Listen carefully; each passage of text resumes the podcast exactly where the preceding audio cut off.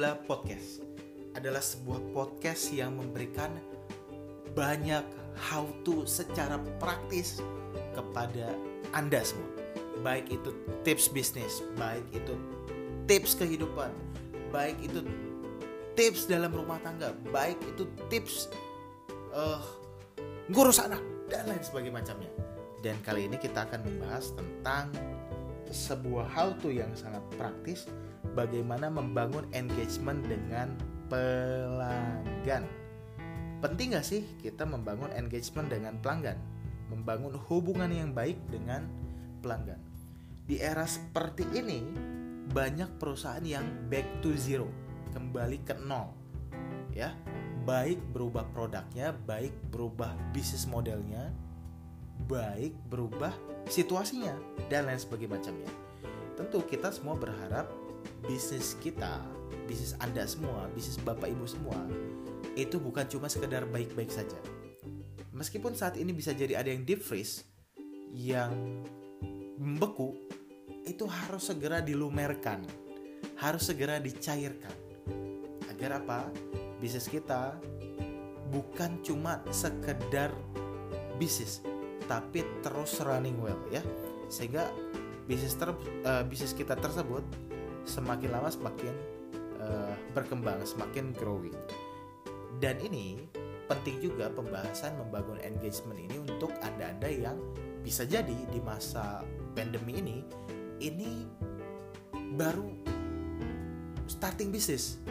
Anda baru membuat sebuah startup. Siapa pun Anda, penting untuk membangun engagement dengan uh, pelanggan. Jadi uh, engagement ini ini adalah bahasan yang fundamental tentang sebuah konsep digital marketing.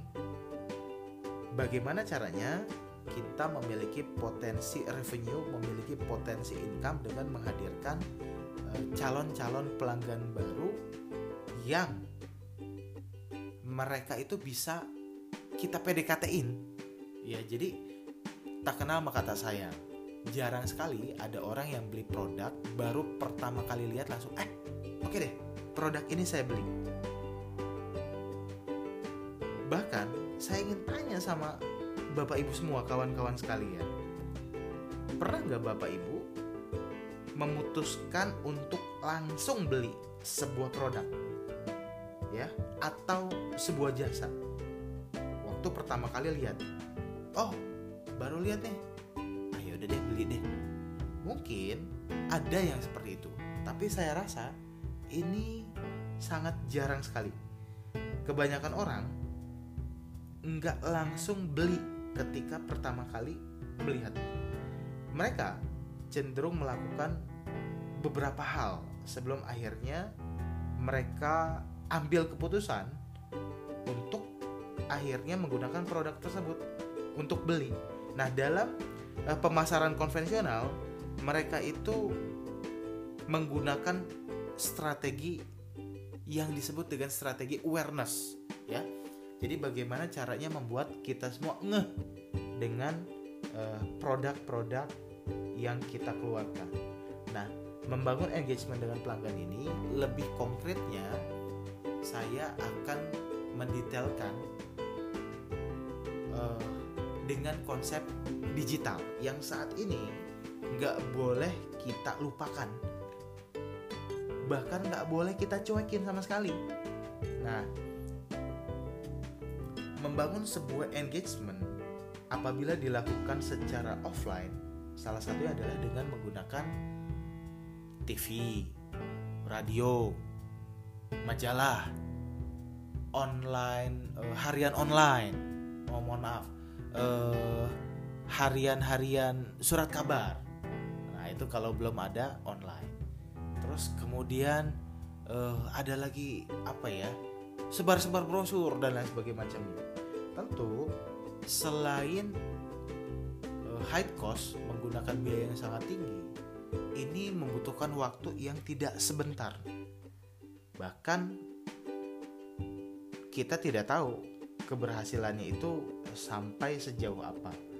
Nah, uh, membangun engagement secara offline yang dilakukan oleh perusahaan-perusahaan tersebut itu penting karena eh, membuat bisnis akan terus berkembang ya secara branding maupun eh, ketika melakukan selling. Jadi selling itu terjadi karena biasanya orang sudah terngiang-ngiang di kepala. Ya jadi e, beruntung anda di era digital seperti ini itu tidak perlu melakukan hal-hal yang tadi. Bagi-bagi brosur e, di TV radio dan lain sebagainya macamnya dengan cara yang mahal. Silakan untuk anda yang memiliki e, budget yang tinggi itu monggo. Ya silahkan tapi untuk kita-kita yang memang saat ini harus cermat mengeluarkan pendanaan ya para business owner yang harus pilih-pilih mengeluarkan pendanaan tapi ingin tetap ada uh, penjualan ya ingin tetap ada uh, income. Nah salah satunya adalah dengan membangun engagement di uh, dunia maya. Nah uh, ketika kita di dunia maya, kita pun bisa melakukan sebar-sebar iklan. Dengan cara apa? Bisa jadi dengan uh, Anda mungkin menggunakan Google Ads, FB Ads, IG Ads, terus kemudian uh, teknik SEO, Search Engine Optimization. Nah, setelah ngiklan, apa yang dilakukan? Yaitu baik offline ataupun online itu penting menjaga sebuah hubungan engagement. Nah, hal ini bertujuan untuk memperkecil jarak antara pelanggan dan sebuah perusahaan yang memiliki produk atau jasa.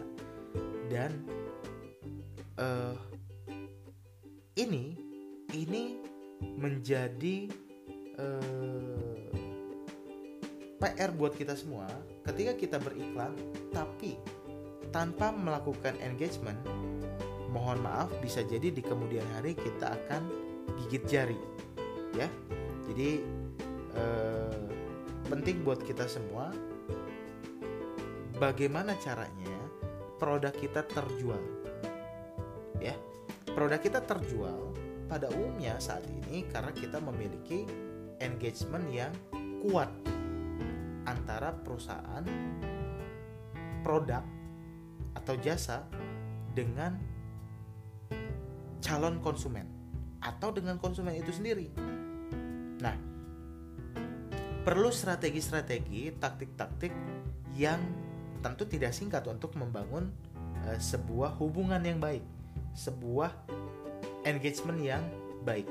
Nah, uh, engagement ini kadang-kadang bisa berwujud terang-terangan seperti mem, uh, menjual sebuah produk atau kadang-kadang itu pada saat kita membuat engagement tidak seperti sedang uh, menjual. Nah, saya perlu membuat uh, klasifikasi ya. Jadi bagaimana cara membedakan engagement uh, memperlakukan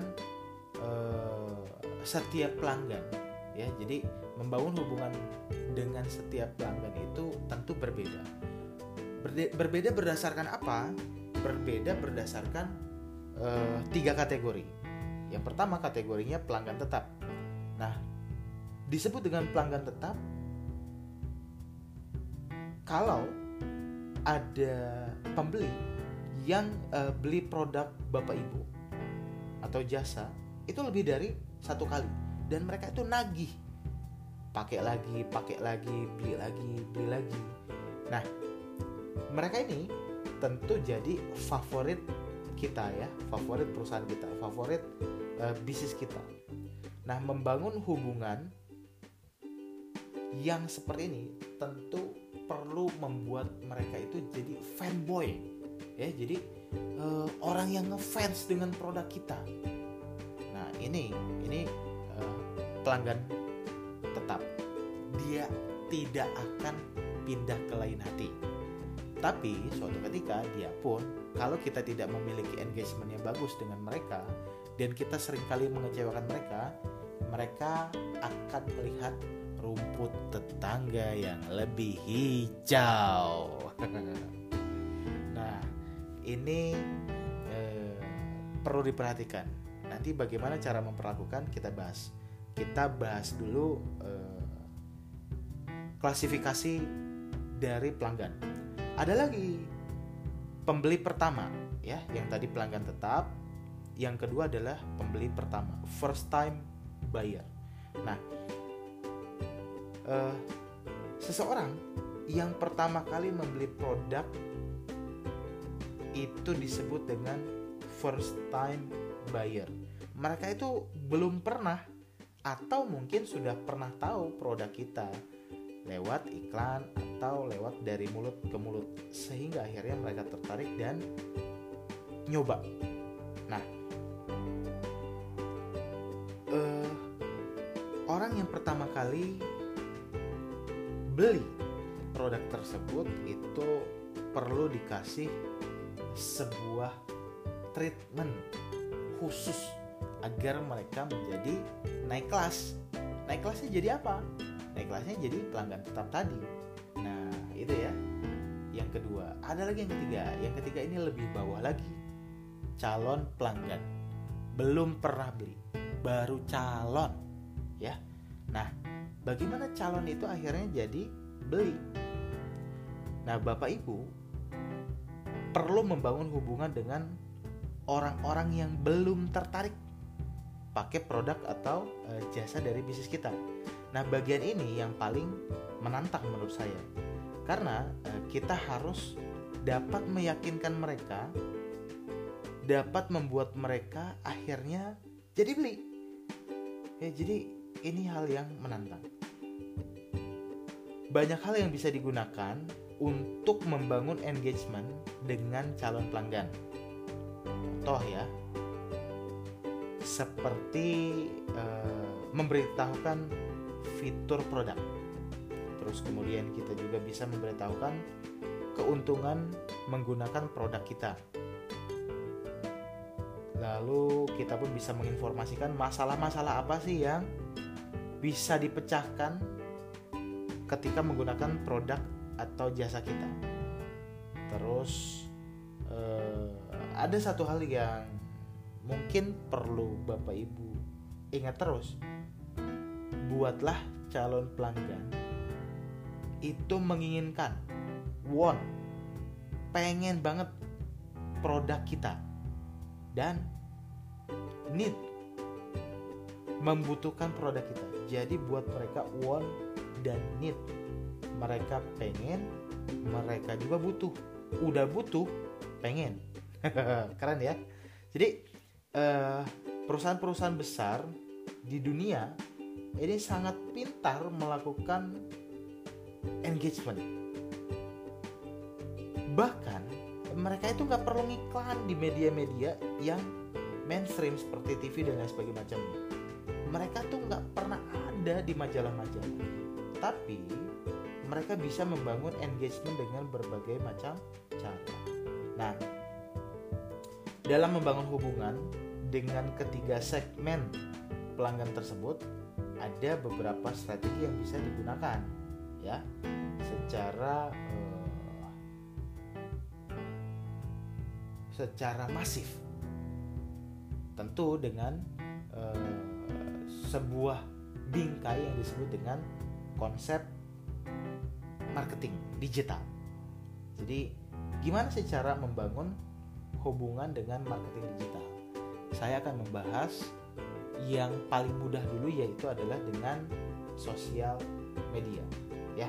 Jadi, uh, kenapa kita bahas ini? karena kehidupan sehari-hari kita itu tidak luput dari media sosial dan bahkan sering kali kita ini lebih banyak terhubung secara online. Apalagi ketika kita uh, learning from home ya. Work from home. Gawe di rumah belajar di rumah. Nah, di luar negeri ini nggak ada mungkin istilah yang uh, seperti ini. Nah, eh, saat kita sering kali terhubung dengan online, ini penting sekali kita menggunakan media sosial. Karena media sosial ini adalah media yang uh, bukan cuma sering kita gunakan, tetapi sekali lagi ini adalah media yang sangat mudah, familiar digunakan oleh orang banyak dan kita jangan menggunakan platform lain apalagi yang jarang digunakan oleh orang banyak. Nah, hmm, yang termasuk media sosial ini di antaranya kalau uh, keluarga dari blog ada WordPress, ada Medium, ada Blogger dan lain sebagainya macamnya. Terus kemudian di forum-forum ada apa ya? Ada Vimela, ada Detik Forum, ada uh, Kaskus dan lain-lain. Terus kemudian ada uh, sosial media dengan video yang uh, apa ya? Yang marak digunakan. Jadi platform video seperti ada YouTube, ada IGTV, ada Vimeo, terus kemudian ada video dan lain-lain. Terus kemudian ada lagi apa sosial media eh, yang terkategori sosial networking.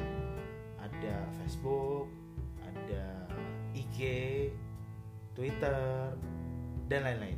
Nah, media sosial online ini akhirnya saat ini mengubah interaksi bisnis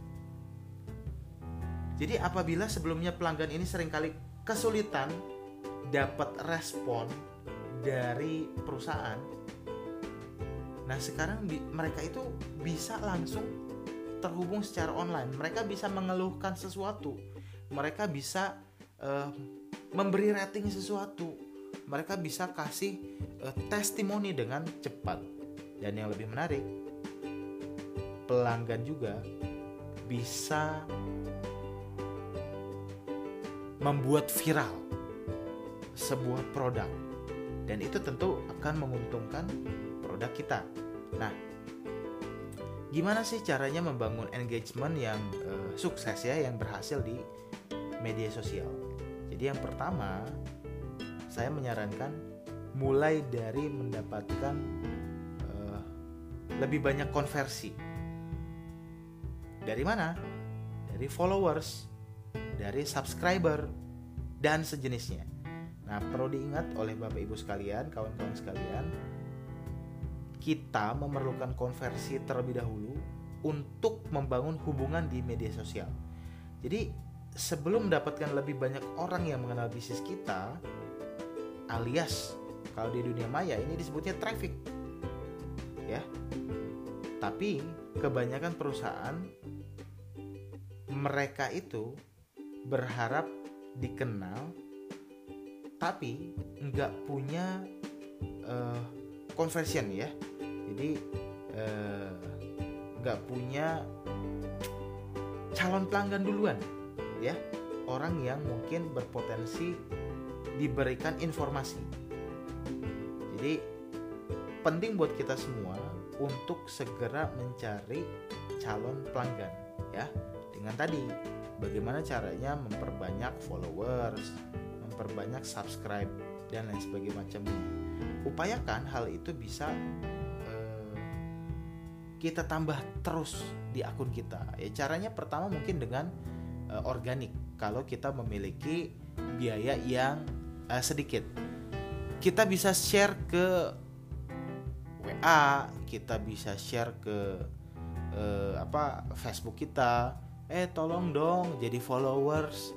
Nah, tolong dong ikuti. Tolong dong jadi subscribe dan lain sebagainya macamnya. Ya jadi nggak apa-apa awal-awal ya ngemis-ngemis dulu lah. Nah kalau ternyata memang ada budget penting buat kita salah satunya cari endorse terus kemudian eh, apa ya ngiklan yang berbayar terus kemudian eh, Anda bisa lakukan hal-hal seperti itu. Jadi eh, saat ini memang media sosial ini gampang-gampang susah ya. Jadi eh, apa yang bisa Anda lakukan sekarang ya lakukan. Nah secara strategi maupun secara taktik memang untuk orang yang awam ke media sosial. Mereka punya media sosial. Tapi sering kali digunakan media sosial itu untuk kebutuhan pribadi bukan untuk kebutuhan bisnis. Itu akan terasa awalnya gagap teknologi. Nah uh, bagaimana cara menyiasati ini? Sederhana bapak ibu. Yang pertama dari sekian banyak media sosial cermatlah memilih media sosial berdasarkan segmen pasar bapak ibu sekalian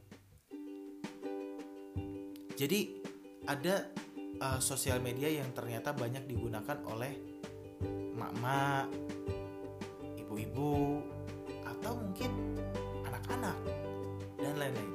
Tidak semua sosial media itu harus kita optimasi, harus kita pakai, harus kita gunakan untuk membangun sebuah engagement. Enggak. Jadi silakan aja uh, Bapak Ibu pilih Bagaimana cara memilihnya? Sederhana sekali sebetulnya sekali lagi ya. Yang pertama adalah tips dari saya fokus kepada industri bisnis Bapak Ibu. Ya. Jadi eh, Anda fokus terhadap industri bisnis dan ketika industri bisnis tersebut menjadi konsumsi publik ini harus dilihat segmennya terlebih dahulu.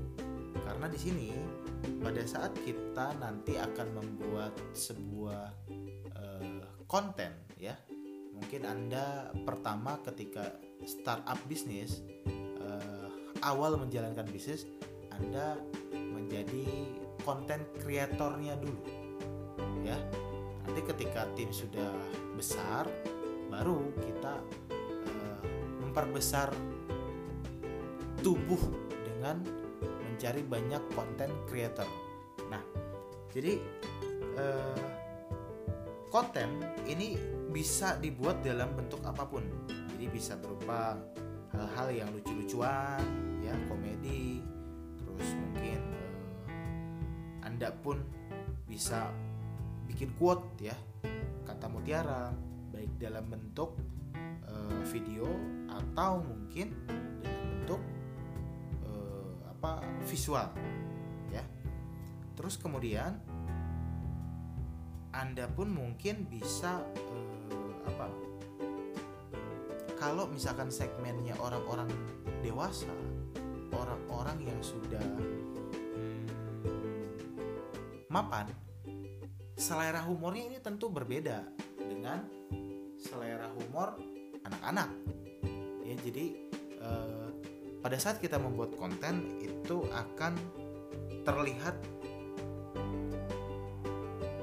kita itu akan memilih segmen yang mana.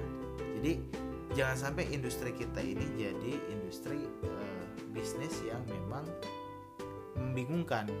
Jadi uh, target marketnya ke anak-anak, tapi bahasa-bahasa yang digunakan adalah bahasa-bahasa yang tinggi yang bikin orang itu nggak ngerti sebetulnya tidak ada uh, komunikasi yang bikin orang itu ribet nggak ngerti. Kalau kita menggunakan uh, apa uh, media yang tepat dan tentu konten yang tepat kepada target market yang tepat juga. Ya jadi uh, penting buat kita membangun sebuah engagement berdasarkan apa berdasarkan segmen. Nah, kemudian yang berikutnya, uh, Bapak Ibu pun perlu meriset segmen kita, target market kita itu sebetulnya kita bisa klasifikasikan berdasarkan usia. Nah, ketika kita memberikan misalkan sebuah konten yang usianya 40 tahunan ke atas Bapak Ibu bisa menggunakan uh, sound-sound atau bisa menggunakan gambar-gambar yang ngetren pada masanya jadi membuat mereka itu ingat kembali di masa lalu mungkin tahun 80-an, mungkin tahun 90-an dan lain-lain. Nah, hal ini, media ini ini akan menjadi media komunikasi. Jadi uh, subscribe Anda, subscriber Anda, followers Anda itu perlu disapa dengan eh, konten-konten yang sesuai dengan target mereka dan pada saat mereka nge-like, pada saat mereka uh, komen dan lain sebagainya macamnya, lalu di situ kesempatan kita untuk membuat mereka berkomunikasi. Ya. Ingat ya, tujuan kita bersosialisasi di era digital ini secara digital adalah berkomunikasi dengan pelanggan dan calon pelanggan. Dan cara paling mudah untuk membangun komunikasi adalah meminta respon mereka secara langsung. Dapetin respon mereka secara langsung. Kita bisa misalkan beriklan atau memberikan informasi eh, produk kita dengan bahasa-bahasa mereka dengan jokes-jokes ala mereka dengan eh, apa keseharian ala-ala mereka. Nah, ajak mereka untuk memberikan komentar, terus kemudian ajak mereka untuk eh, bisa membagikan pemikiran mereka atau ajak mereka untuk mungkin hanya sekedar nge-like. Nah, hal ini walaupun terlihat sederhana, tapi sering kali terlewat ini adalah bagian yang menantang. Menurut saya ini butuh keahlian khusus. Gampang-gampang susah, tapi hal ini perlu dilatih seperti kerajinan tangan. Jadi semakin rajin, Anda semakin mudah untuk membangun engagement. Nah, sebetulnya masih ada beberapa hal lain yang e, perlu dilakukan untuk meningkatkan engagement lewat sosial media. Namun beberapa hal yang tadi saya bahas itu uh, adalah hal yang mendasari kegiatan online kita. Jadi bagaimana caranya membuat mereka itu tertarik untuk berkomunikasi ya uh, untuk membuat mereka itu speak up berbicara kasih komen uh, terus kemudian uh, apa nge-share terus ngajak kawan mereka memberikan informasi dan lain sebagainya macamnya. Jadi eh, ini penting ya. Jadi ini adalah eh, konsep dasar membangun sebuah engagement. Nah ketika mereka sering eh, apa komen nah itu tandanya mereka itu di setiap konten-konten kita oh dia lagi dia lagi dia lagi dia lagi. Nah mereka sudah punya mulai ketertarikan yang besar. Nah, hal ini perlu digandakan, ya, dan e, bisa kita lihat, bisa kita ukur. Terlihat dari apa? Banyaknya komen, banyaknya like, banyaknya share, dan e, banyaknya mereka merekomendasikan ya dari share tersebut. Tapi bukan share yang negatif e, dari produk kita, bukan, tapi yang positif. Oke. Okay kita akan mulai bahas dari membangun sebuah engagement dengan lebih personal lagi ya. Jadi nggak ada hal yang lebih powerful, lebih dahsyat lagi dari mengenali pelanggan secara personal, calon pelanggan secara personal. Dan untuk membangun hal-hal secara personal, kita bisa menggunakan platform pesan ya, messaging ya.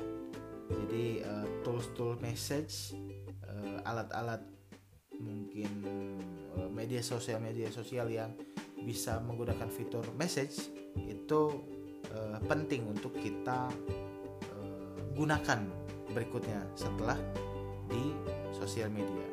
Nah, saat ini kita punya cara-cara komunikasi yang beragam. Uh, messaging apps yang paling populer saat ini itu WA, terus kemudian ada Telegram, ada Line, dan mungkin ada yang masih menggunakan BBM, BlackBerry Messenger, dan itu eh, segmennya tetap ada sampai dengan sekarang. Berbagai jenis bisnis sering kali menggunakan eh, media messaging ini ini untuk terhubung kepada konsumen agar bisa terkonek lebih cepat ya. E, hal ini kita gunakan biasanya untuk memenuhi kebutuhan e, mereka dengan lebih cepat. Bahkan kita bisa dapat saran e, dan kritik langsung dari konsumen. Nah e, sebagai seorang e, pebisnis jadi kawan-kawan bapak ibu sekalian bisa menggunakan media-media komunikasi personal setelah engagement terbangun. Misalkan bisa dibuat seperti ini, uh, Min, lucu banget sih uh, produknya bisa dilihat di mana. Nah saat seperti itu adalah saat uh, calon pelanggan memberikan respon tanda-tanda kalau mereka itu tertarik dengan produk kita. Lalu ajaklah mereka ke platform messaging gitu ya jadi konsep dasarnya demikian. Kemudian eh, apalagi yang bisa kita gunakan personal touch sama mereka? Nah eh, kita pun bisa menggunakan email ya. Jadi pendekatan yang lebih personal salah satunya bisa dengan menggunakan email. Nah dalam uh, teknologi internet yang mulai marak tahun 90-an. Nah, teknologi email ini adalah teknologi satu-satunya untuk mendapatkan direct respon. Dan ternyata sampai dengan sekarang ini masih digunakan. Jadi kalau di antara kawan-kawan ah email nggak dibuka-buka, jangan jangan beranggapan seperti itu. Kita tidak akan pernah tahu uh, mereka itu lebih seni, uh, lebih lebih senang menggunakan yang mana ya jadi apakah apps messaging seperti uh, WhatsApp, Telegram, Line, BBM dan lain-lain atau sampai dengan sekarang uh, target market yang usia 40-an 50 ke atas itu masih sering membuka email. Kenapa mereka memilih email? Tentu hal ini uh, mereka lakukan salah satunya adalah uh, fitur email ini bisa mendokumentasikan dari awal sampai dengan uh, akhir ya. Jadi uh, email ini anda bisa maksimalkan kembali. Dan uh, tools apa aja sih yang digunakan untuk email ya? Uh, atau software? Bapak ibu bisa menggunakan marketing software yang bisa dipilih seperti ada Gmail, ada mail target, ada active campaign, terus kemudian ada blasting email dan lain-lain. Nah, eh, terlepas dari itu semua, ada hal-hal yang perlu Anda lakukan yaitu bagaimana caranya ketika Anda belum memiliki orang untuk memegang ini ya uh, mengendalikan job desk ini untuk membangun engagement Anda perlu mempelajari dengan sabar dan uh, mulai membiasakan diri dengan fitur-fiturnya ya. Uh, ini penting sekali. Lalu bagaimana caranya membuat mereka itu lebih dekat lagi dengan kita secara personal penting ya buat kita uh, untuk membangun sebuah hubungan yang baik dengan pelanggan. Nah, salah satunya adalah dengan uh, kita memiliki kemampuan untuk bisa menyapa mereka secara personal dengan memanggil namanya. Jangan cuma sekedar oh makasih pak. Makasih sis. Makasih uh, mbak dan lain sebagainya. Macamnya tapi terima kasih pak Budi. Terima kasih uh, sis Ajeng. Terima kasih mbak Dewi dan lain sebagainya macamnya ya. Jadi pastikan bagaimana caranya membangun hubungan lebih personal lagi adalah dengan mengikut sertakan namanya atau panggilannya dalam sapaan kita ya. Nah, jadi di sini pun penting untuk kita dan membangun sebuah engagement dengan personal penting buat kita juga mengingat waktu untuk mengirim pesan sama mereka. Penting untuk mengirim pesan tapi ingat waktu lihat waktu. Segmen pasar kita itu tidak semuanya bisa menerima messaging uh, di pagi hari atau di malam hari dan lain-lain. Tentu ini harus kita bagi sesuai dengan segmennya, ya. Jadi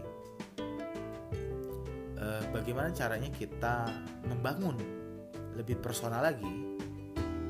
Anda harus membagi ke dalam segmen tersebut tulis namanya mereka uh, di apa handphone khusus untuk membangun dengan pelanggan. Uh, membangun hubungan dengan pelanggan tulis emailnya catat uh, nomor handphonenya WA-nya dan lain sebagainya macamnya. Dan pastikan uh, Anda mengingat hal itu semua dengan baik caranya bagaimana anda coba tulis nama mereka dan klasifikasikan kelompok mereka. Nah, yang paling mudah adalah dengan bisa mengklasifikasikan uh, pelanggan tersebut dengan dituliskan di phonebook handphone dan kemudian Anda simpan di email email perusahaan, email produk ya sehingga uh, pada saat nanti ganti handphone dan lain sebagainya database tetap ada. Database tetap utuh. Ya. Nah eh, ini bisa anda lebih mudah lagi dengan mencari tools-tools ya. Apalagi tadi ada tools untuk menyimpan database tools untuk uh, mengirim pesan dan lain sebagainya nah ini penting untuk kita lakukan dan sering kali kita lupa. Oke? Jadi bahasan untuk membangun sebuah engagement konsep dasarnya sudah kita bahas dan kita akan pertajam lagi eh, bagaimana caranya membuat pelanggan lebih dekat dengan kita di episode berikutnya. Sekian dari saya Kang Auf. Senang sekali saya bisa share hal-hal bermanfaat ini di platform Yukibla Podcast. Terima kasih. Assalamualaikum warahmatullahi wabarakatuh.